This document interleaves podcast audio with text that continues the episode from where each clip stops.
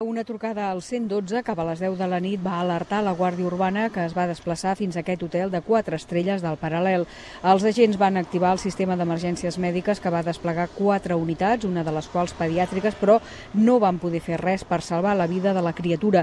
Tot apunta que hauria mort per asfíxia. Segons avançat la cadena SER, podria tractar-se d'un cas de violència vicària, ja que l'home va advertir amb un missatge a la seva parella, de la qual estava en tràmits de separació, que se'n penediria. Els Mossos han desplegat un dispositiu arreu de Catalunya per detenir l'home que va fugir a nit saltant la tanca de la piscina de l'hotel.